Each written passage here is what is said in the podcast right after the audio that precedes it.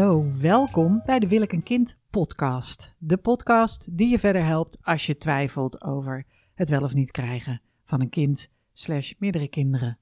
Vandaag wil ik het met jullie hebben over verhalen vertellen. Het is ehm, denk ik een van mijn grootste liefhebberijen. Ik wilde zeggen passies, maar nou, om nou te zeggen dat ik een heel gepassioneerd... Ik ben wel een veel vreter, een veel vraat veel vraat, veel vraat als het gaat om verhalen. En we hebben nu natuurlijk met dat, um, die on, onophoudelijke stroom aan series en films. En mijn vriend heeft, je gelooft het niet, een abonnement op HBO Max, op Amazon Prime, op Netflix, uiteraard. En ik heb zelf NPO Start. dus we hebben vier um, kanalen om uit te kiezen. En we kunnen dus altijd series bingen en dingen kijken. En dat doe ik ook met grote graagte. Maar de verhalen waar ik het vandaag met jullie over wil hebben, zijn de verhalen die je jezelf vertelt. Verhalen die je jezelf vertelt over jezelf. En Terry Pratchett heeft ooit gezegd: Wij denken dat het leven dat we leven de verhalen maakt die wij vertellen over ons leven. Maar het is precies omgekeerd. Met de verhalen die wij vertellen, maken we ons leven. Dat klinkt wel heel ver gezocht, maar toch is dat wel het gewicht dat ik zelf zou willen geven aan het vertellen van verhalen. En ik werd getriggerd tot het opnemen van deze podcast en toen ben ik even door de lijst heen gegaan. Er staat inmiddels, ik ben een jaar aan het podcasten. Uh, dus ik loop al een jaar lang in mijn lulijzer te tetteren. Uh, met allemaal verhalen over de kinderwens en over het moederschap. En allerlei deelonderwerpen uh, die hieraan verwant zijn. En soms ook mensen te interviewen. Maar ik had nog niet een podcast opgenomen over verhalen vertellen. En toen dacht ik, hè, dat meen je niet. Dit is eigenlijk hoe ik het ooit begonnen ben. Ik werd getriggerd, ik zal mijn zin afmaken. Ik werd getriggerd door een reactie onder nu.nl. En de reactie was niet heel vriendelijk. Er waren meer reacties op. Uh, ik werd met mijn gezin. Um, ver, ik, ik heb mijn gezin op nu.nl gegooid. Dat is net zoiets als je kind onder een bus duwen. Nee, ik, heb, uh, ik ben geïnterviewd voor de uh, categorie uh, gezin en ouderschap, zoiets heet het, op nu.nl. En ik vertelde daarover uh, mijn keuze om in een woongroep te wonen. En dat mijn vriend in een andere woongroep woont. En dat wij dus latten met een kind. Er kwamen heel veel reacties op. Een aantal reacties waren te stupide om nog over te rappen. Sommige reacties waren interessant. En sommige reacties waren uh, respect en hulde en lof uh, dat mij ten deel viel en dankbaarheid. En daar ben ik heel, heel blij mee. Maar die interessante reacties, één daarvan was iemand die eigenlijk ook een beetje zuur was. Wat hij zei, kortweg was: Ja, weet je wel, je woont nu in een woongroep. En je vriend woont in een andere woongroep. Gewoon omdat jullie helemaal niet kunnen moven op de woningmarkt. Dus eigenlijk zit je in een zak stront. En dat verkoop je aan jezelf als sprookje. En dat is ook zo. ja, laat ik heel eerlijk zijn. Dat is ook zo. Ik zit in een zak stront en ik verkoop het aan mezelf als sprookje. En wat dat doet, lieve mensen, is dat het minder stinkt. En dat het beter voelt en dat het prettiger is. En dat is een, je kunt zeggen, het is een talent voor het leven. Hè? Dat heb je wel of niet, dat je de positieve kant van dingen kunt bekijken. Maar het is ook iets waar je aan kan werken. Dus als dit iets is wat je niet heel makkelijk afgaat, is het ook iets dat je kunt trainen. En verhalen vertellen vind ik een van de belangrijkste dingen die zeker bij, bij twijfel over de kinderwens, dus als je niet weet, wil ik wel of niet moeder worden, en je neemt beslissingen in je hoofd, je doet de pieker pingpong, zo noem ik dat. Dus dat je denkt van, ja, ik ga het doen, en dan maar naar de spermabank, dan doe ik het wel alleen. En dat je dan denkt, nee, ik ga het toch niet in mijn eentje doen. Ik lijk wel gek, dat is hartstikke zwaar. Ik vraag een leuke homo-koppel om het mee samen te doen. En dan gaan we gezellig allemaal samen dingen doen. En dat je dan een uur later weer denkt: nee, geen homokoppel. Wat, wat, wat voor drama zou dat zijn? Dan moet ik alles overleggen en mijn kind delen. Ik wil mijn kind niet delen. Hoe kan ik die mensen vertrouwen? Ik ga er niet aan beginnen. Laat me helemaal zitten, dat moederschap. En dan hè, het moment daarna weer denken: oh nee, jawel, ik moet moeder worden. Want wat nou als ik later spijt krijg dat ik er niet aan begonnen ben? Nou, dit is even in het kort hoe pikker, pieker, pingpong en dan nog zwartgalliger en nog deprimerender eruit kan zien. Maar uh, de, de verhalen, wat Terry Pratchett zei, die zegt dus: Het is niet zo dat er in je leven dingen gebeuren en dat je daardoor je levensverhaal schrijft. Dus het zijn niet de dingen die er in je leven gebeuren en dat daardoor het verhaal van jouw leven, de roman van jouw leven ontstaat. Het is omgekeerd. Het zijn de verhalen die je jezelf vertelt en de mensen om je heen vertelt. De verhalen waar je uiteindelijk ook in gelooft, waarmee je je leven bouwt. En die uitspraak, die dicht dus een enorme kracht aan verhalen toe. En ik hou van die kracht. Ik ben ook oprecht van mening dat we. Uh, nou, eh, Vroeger zei men al van, nou, als de televisie komt, dan worden we allemaal stupide.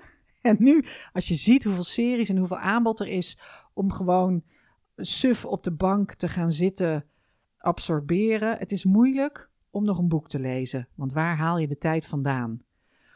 En um, het is niet zo dat er minder boeken zijn, maar ik heb wel het idee dat in een serie kan me ook wel op nieuwe ideeën brengen en kan me ook wel enigszins inspireren. Maar lezen, Lezen is denken met andermans hoofd.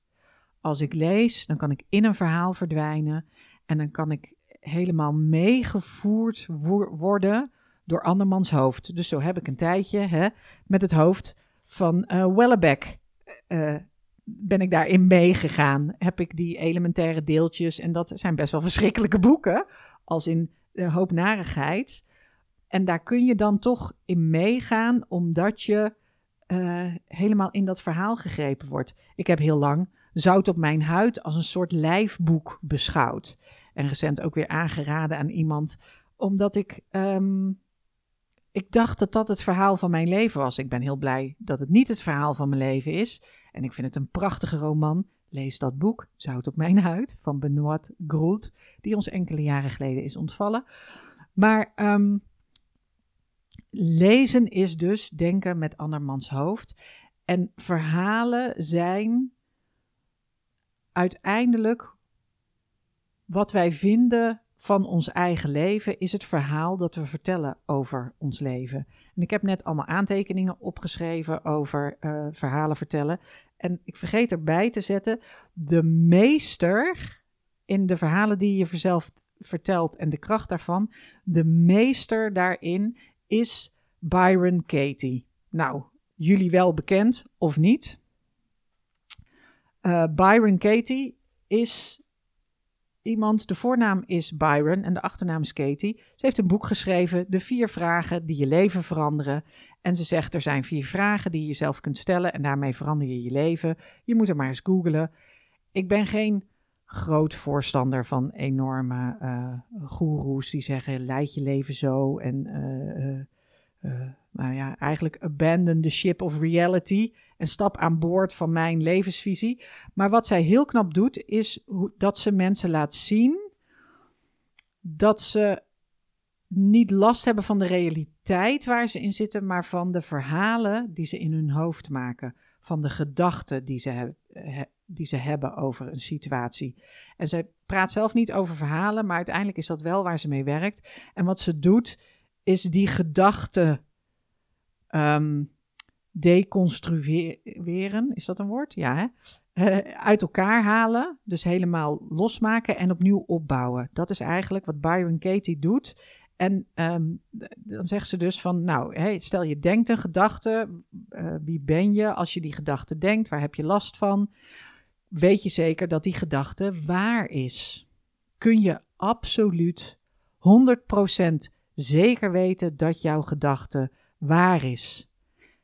En zou het omgekeerde niet ook waar kunnen zijn? Als je deze gedachte omkeert, kan dat dan ook waar zijn?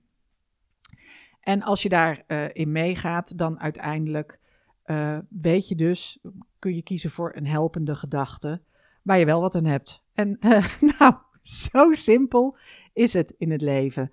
En um, om terug te komen op de meneer van nu.nl, die zei: hè, je zit in een zak stront en je verkoopt het aan jezelf uh, als een sprookje. Dat klopt, dat doe ik. En dat doe ik al zo lang en zo enthousiast en zo. Um, ik zit helemaal niet in een zak stront. Uh, en, en zo. Um, ik, dat ik, ik geloof daar zelf zo in. Dat het, uh, het, dat het interessant was dat hij dat schreef, die meneer. Omdat ik daarna dacht: ja, het is natuurlijk wel zo.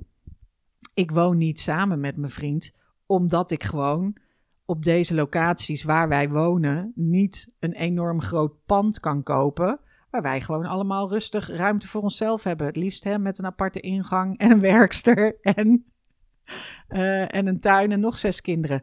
Ik, ik verkoop mijn leven aan mezelf als sprookje. En ik heb hier zelfs over storytelling. Ik gebruik in mijn begeleiding bij, uh, bij mensen die twijfelen over wel of niet een kind. In mijn begeleiding gebruik ik dingen uit de sociologie, uit de psychologie, ook mentaliseren. Mentaliseren gaat ook heel erg over je gedachten ontleden en van een niet helpende gedachte naar een helpende gedachte gaan. Um, dat doet omdenken, is, het, is hetzelfde. Het zijn allemaal manieren om je gedachten opnieuw vorm te geven, zodat je er iets aan hebt.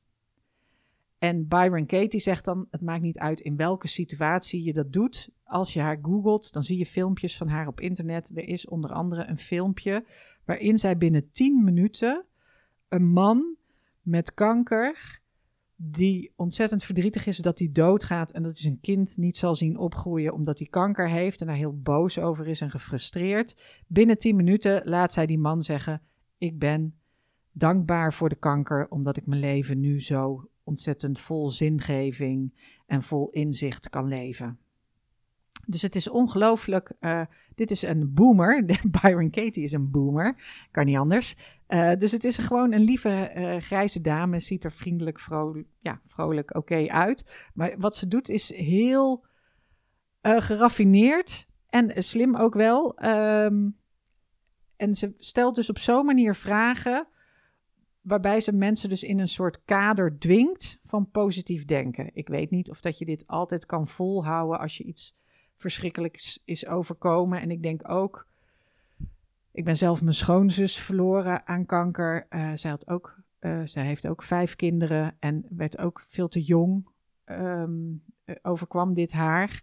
Het is ook gewoon heel verdrietig. Niet alle dingen zijn een sprookje. Um, dat ik maar één kind heb en niet zes. Was toch leuk geweest? Zes Evelientjes die rondrennen. Of zeven. Nee, dat was zeker helemaal, had ik niet aangekund. Uh, maar da daar, dat kan ik, kan ik ook gewoon verdrietig over zijn. Dus ik vind niet dat je van alles een sprookje moet maken. Maar, dat gezegd hebbende.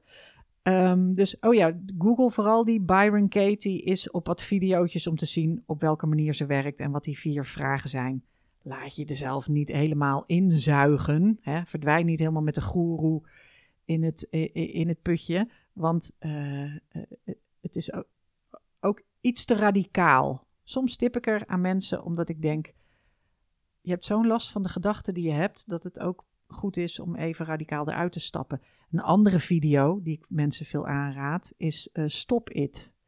Stop It van Bob Newhart. En dat is ik kan heel kort vertellen waar de video over gaat.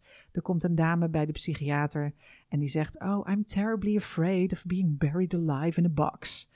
En die psychiater zegt: Ik kan jou voor 5 dollar afhelpen van deze angst om uh, uh, to be buried in a box. Daar, hè, daar kunnen we gewoon uh, binnen, binnen vijf minuten, 10 minuten en 5 dollar is die angst weg. En uh, dus zij betaalt 5 dollar en zegt, nou oké, uh, kom maar door. En dan zegt hij, nou ik heb twee woorden voor je.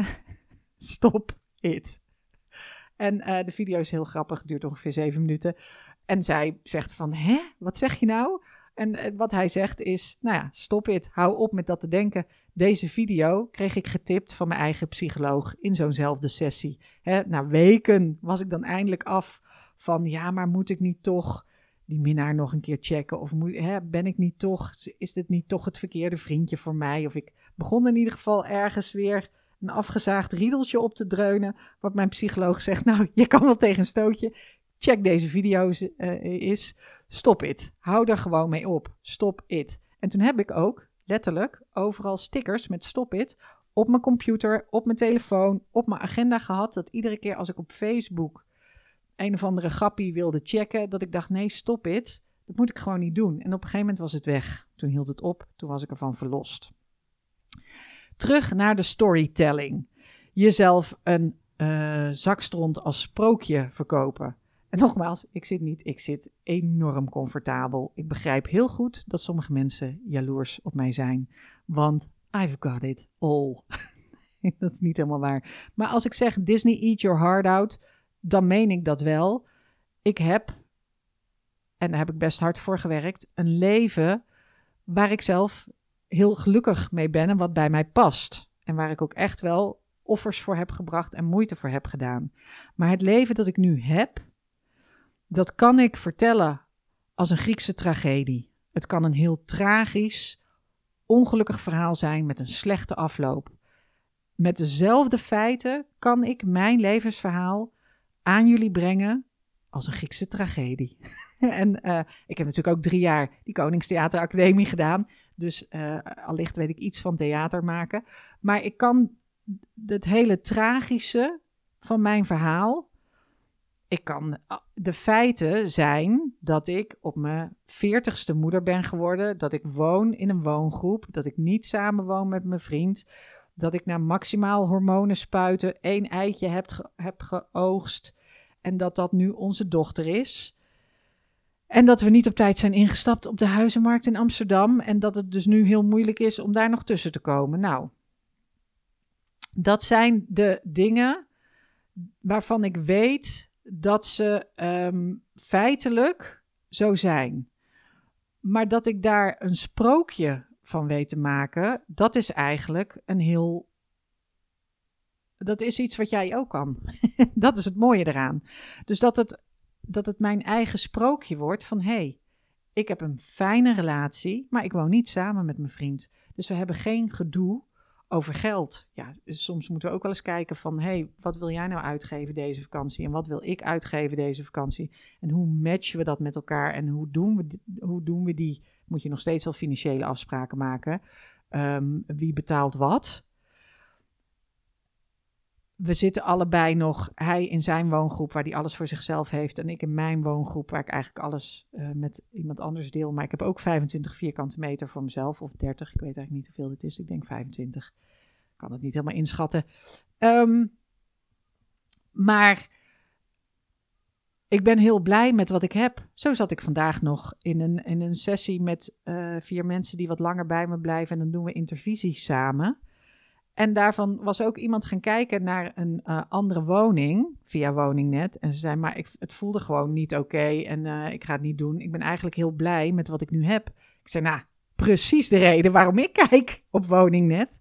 Want ik kijk en dan zie ik wat er zoal te krijgen is op de markt. En dan denk ik, tja, ik zit zo slecht nog niet. Ik zit eigenlijk best wel heel goed op de locatie waar ik zit. En dat is... Uh, dat, dat maakt dus dat ik heel erg.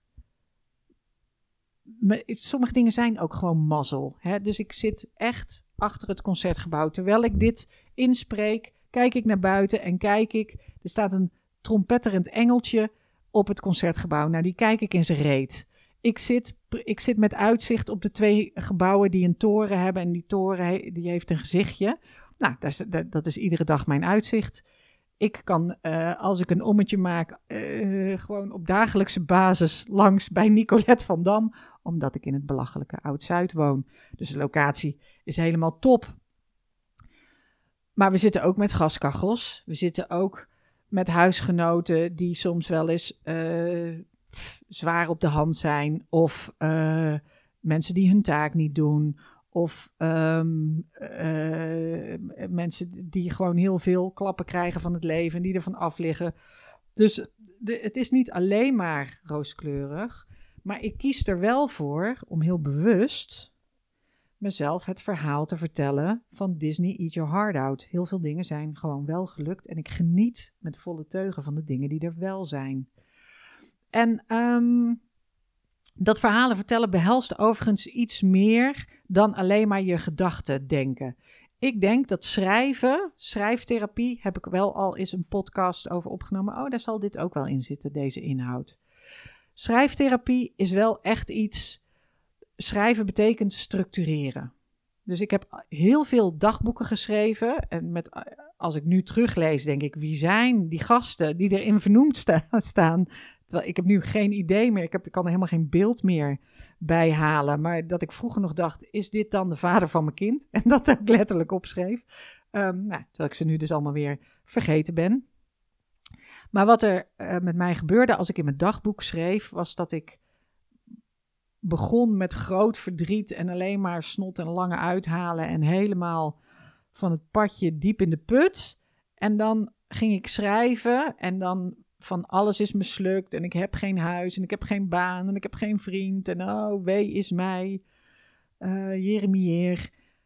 En langzaam dacht ik dan, nou nee, oké, okay, ik ben ook nog gewoon gezond. Ik heb een oké huis. Het staat op een oké locatie. Ik, kom, eh, ik ben aan de beurt bij de spermabank. Ik kom heus nog wel vooruit. Ik kom nog wel ergens. Dus, dus dat als ik aan het schrijven was, dan kon ik niet alleen maar dingen verschrikkelijk vinden en alleen maar verdwijnen in het putje. Want daarvoor is zwart op wit net te. Um, dat is, het zit te dicht bij de feiten op de, op de een of andere manier. Dus eh, in de paniek of in de wanhoop gewoon schrijven en dingen van je afschrijven. En dan heel specifiek met pen op papier. Met pen op papier, want daarmee vertraag je het denken in je hoofd. Daarmee word je gedwongen om zorgvuldig te formuleren. En soms raak je ook de draad kwijt als je met hand op papier schrijft. Dan denk je, wat wilde ik nou zeggen? En dan kan je soms een beetje doorschrijven. En dit is in het kompas. Zit is iedere, iedere week is er een schrijfopdracht. Is er een begeleide visualisatie en daarna schrijven. Altijd. Dus dit is iets wat, je, uh, wat ik ook echt gebruik, die storytelling. En het zet iets in gang dat als je geschreven hebt over iets met pen op papier, dan kun je er ochtends wakker worden en ineens is die hele pieker pingpong heel anders dan hoe die in het begin was. Er, komt dus, er ontstaat een soort rust. En um, nou, ik vind dus niet dat sommige dingen die zijn echt ellendig. Daar mag je verliefd, uh, daar mag je verdrietig over zijn. En je hoeft dus niet van iedere, van iedere zak stront, daar hoeft niet overal een strikje omheen. Hè? Ik ga ook niet om alle reacties op nu.nl een strikje doen. Ik denk dan, er is nog fucking veel werk te doen. Want er zijn nog steeds heel veel mensen die vinden dat moeders zichzelf weg moeten cijferen in het belang van hun kind. En dat ze uh, op geen enkele wijze voor zichzelf mogen zorgen of zichzelf eerst mogen zetten of in het centrum van de dingen. Behalve in het vliegtuig als er zuurstofmaskers uit de lucht komen vallen. Maar in alle andere gevallen moet het belang van het kind eerst. Ik denk dat dat niet realistisch is.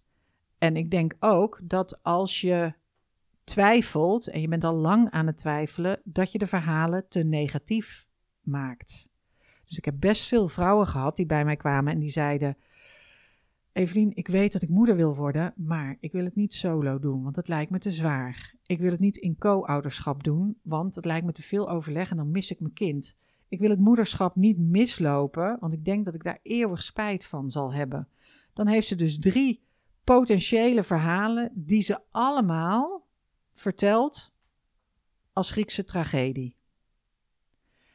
En ergens snap ik dat je vertrekt vanuit een tragisch uh, uh, vertelpunt. Dus dat je, dat je tragisch begint. Maar het is goed om jezelf aan te leren om daar ook een positief verhaal van te maken. Het lukt helemaal niet altijd. En ik doe de fucking 90 dagen over met zeer intensieve begeleiding en uh, diepgravend onderzoek. En ook nog ruimte voor toch wel een hoop shit. Maar jezelf bewust zijn van de verhalen die je vertelt, is wel, is, is wel een belangrijk iets. En ik, ik kan dus ook oprecht heel blij zijn met het huis waar ik in woon, de vriend die ik heb, de dochter die ik heb samen met hem en hoe wij ons leven vormgeven en regelen. En ehm, dat komt dus omdat ik vanuit die tragedie mijn eigen verhaal heb omgebogen. Dat heeft die meneer heel goed gezien. Heb omgebogen naar een sprookje. Maar dat maakt het niet minder sprookjesachtig. Dat maakt het leven veel leuker en veel lolliger. Dit is overigens exact de gedachte achter die dankbaarheidsdagboekjes die je overal ziet en hoort en, uh, en krijgt. En als ik zelf intervisie doe, met een groepje dames dus, dan beginnen we altijd eerst met de hoogtepunten. En ik doe dit zelf ook nog met een bevriende psycholoog. En als ik daarmee die uh, dankbaarheidsdingen, uh, die hoogtepunten opnoem, als ik ze eenmaal begin op te noemen, dan denk ik, oh ja, maar en dit was er ook nog, en dit was er ook nog, en dit was ook heel leuk. En dan komt er vanzelf een hele riedel van dingen waarvan ik denk, ah oh ja, ik heb gewoon voor het eerst belasting betaald. hey, ik heb die hele boekhouding afgerond. Ik, heb, uh, ik ben gewoon vijf keer uh, naar de Hot Pilates geweest afgelopen week. Nou, dan komt er zo een hele trits met een aaneenschakeling van hoogtepunten. Storytelling is dus een, een heel vak apart. Uh, het komt uit de marketing. Marketeers gebruiken het omdat ze risicoanalyse willen doen. En de beste risico's inschatten, dat doe je dus door middel van verhalen vertellen. En met hun brand, met hun merk, zetten ze zich ook al verhalen vertellend in de markt. Dus het is niet, het, is, het klinkt als ik zeg eh, verhalen vertellen en storytelling, klinkt heel erg fluffy, fluffy, uh, uh, Efteling, sprookjes, beetje soft. Maar er worden ook gewoon keihard knaken mee verdiend. En het is dus een, een, een serieuze tak van sport onder marketeers en economen economen sowieso doen niks anders als verhalen vertellen. Want dat heb ik altijd zo hilarisch gevonden. In de economie laten ze altijd één ding buiten beschouwing. Dan zeggen we nou, de samenleving is zo. En als je dan kapitalisme hebt en je laat dit buiten beschouwing, dan gebeurt er dat. dan denk ik, ja, maar in de echte wereld laat je nooit iets buiten beschouwing. Goed, ik ga niet beginnen over economen. Over storytelling. Dus um, ter afsluiting. Kijk, mijn verhaal als een Grieks drama zou zijn als een tragedie. Er was dus een meisje dat heel graag heel veel kinderen wilde. En heel graag beroemd wilde worden als cabaretière. En, uh, maar ze kon niet eens een, uh, een, vriend vinden. En uiteindelijk heeft ze iemand gevonden. En die wilde dan wel. Uh, eerst helemaal niet. Eerst stuurde die er ook nog naar de spermabank. Maar uiteindelijk wilde die wel één kind met haar. En dat heeft ze nu, maar heeft ze maar voor de helft. En ze woont in een woongroep waar ze alles moet delen. En um, uh, uh, ze heeft uiteindelijk nooit meer kinderen gekregen. En ze heeft uh, nog steeds de financiële bindingsangst en de aversie van het huishouden. Ze is eigenlijk nooit helemaal volwassen geworden. En het is gedoemd te mislukken. Nou, dat is ook mijn levensverhaal. En er is geen woord van gelogen. Als je daar een tragisch sausje overheen giet. Het sausje dat ik er overheen giet is: jongens, ik heb hier een cake en ik ben hem aan het opeten. Ik woon in mijn eigen woongroep. Ik heb mijn eigen huis ingericht zoals ik het wil. Ik ga over mijn eigen financiën. Ik ga over mijn eigen inzet. En ik heb een geweldige lieve man. Wij maken afspraken met elkaar gewoon voor de booty call. Om eventjes overdag met elkaar seks te hebben. Hè? Eat your heart out. Alle andere mannen die reageren op nu.nl. Dat soort afspraken maken wij. Zeggen we, goh, ik ga even een eindje wandelen. Zal ik even langskomen met konijnenoortjes? Wij hebben een geweldig leuke dochter samen gekregen. Op de valreep ben ik intens gelukkig mee. En het mooie is, ik ben de helft van de week moeder en de helft van de week niet. En dat stelt mij in staat om precies te doen wat ik wil, om mezelf op te laden, om verhalen te vertellen, om uh, mijn eigen tempo te bewandelen als het gaat om het uitbouwen van mijn bedrijf en om uh, volwassen worden. En, um, en ik voorzie een, een heerlijke toekomst voor ons gekke gezinnetje. En um, ik voorzie ook dat er nog veel meer mensen zo op deze alternatieve manier zullen gaan leven. Bijvoorbeeld in groepsverband, omdat het veel gezelliger is in zo'n zo'n roedel. Het is goedkoop, het is gezond en het is gezellig. Nou ja, dat is dus het Disney Eat Your Heart Out eh, verhaal van hetzelfde leven. Dus dat, ehm, dat wilde ik aan jullie meegeven in deze podcast. Je kunt dus je eigen levensverhaal als Griekse tragedie schrijven. En je kunt het ook schrijven als Walt Disney Eat Your Heart Out sprookje. Nou, en aan jou om daar eens mee te spelen en om eens na te denken over de verhalen die je aan jezelf vertelt. En ook de verhalen die je jezelf aan anderen hoort vertellen. Uiteindelijk is het zoals Terry Pratchett al zei: het is niet zo dat mensen verhalen vertellen en verhalen maken. Het is zo dat de verhalen de levens van de mensen vormgeven en dat de verhalen ons maken. Nou, en uh, dan wens ik jou nog heel veel plezier met het verhaal dat je aan jezelf zult vertellen. En zeker um, als het gaat om je kinderwens en over twijfel uh, over je kinderwens, als je nou nog zit met bepaalde vragen over het moederschap, over je angsten voor spijt of angst om een ongelukkig kind te krijgen of om te laat te zijn of uh, zit je heel erg vast in het denken in Griekse tragedies, dan zoek me even op op Instagram of LinkedIn en stuur me een, uh, een berichtje. Vind ik hartstikke leuk om van je te horen. Ik ben Willeke Kind op Instagram en ik ben Evelien Willeke Kind op LinkedIn. Evelien de Jong Willeke Kind. Zoiets. Het is nog een, een professionele naam op LinkedIn. Vind ik hartstikke leuk om je daar te treffen. Tot dan!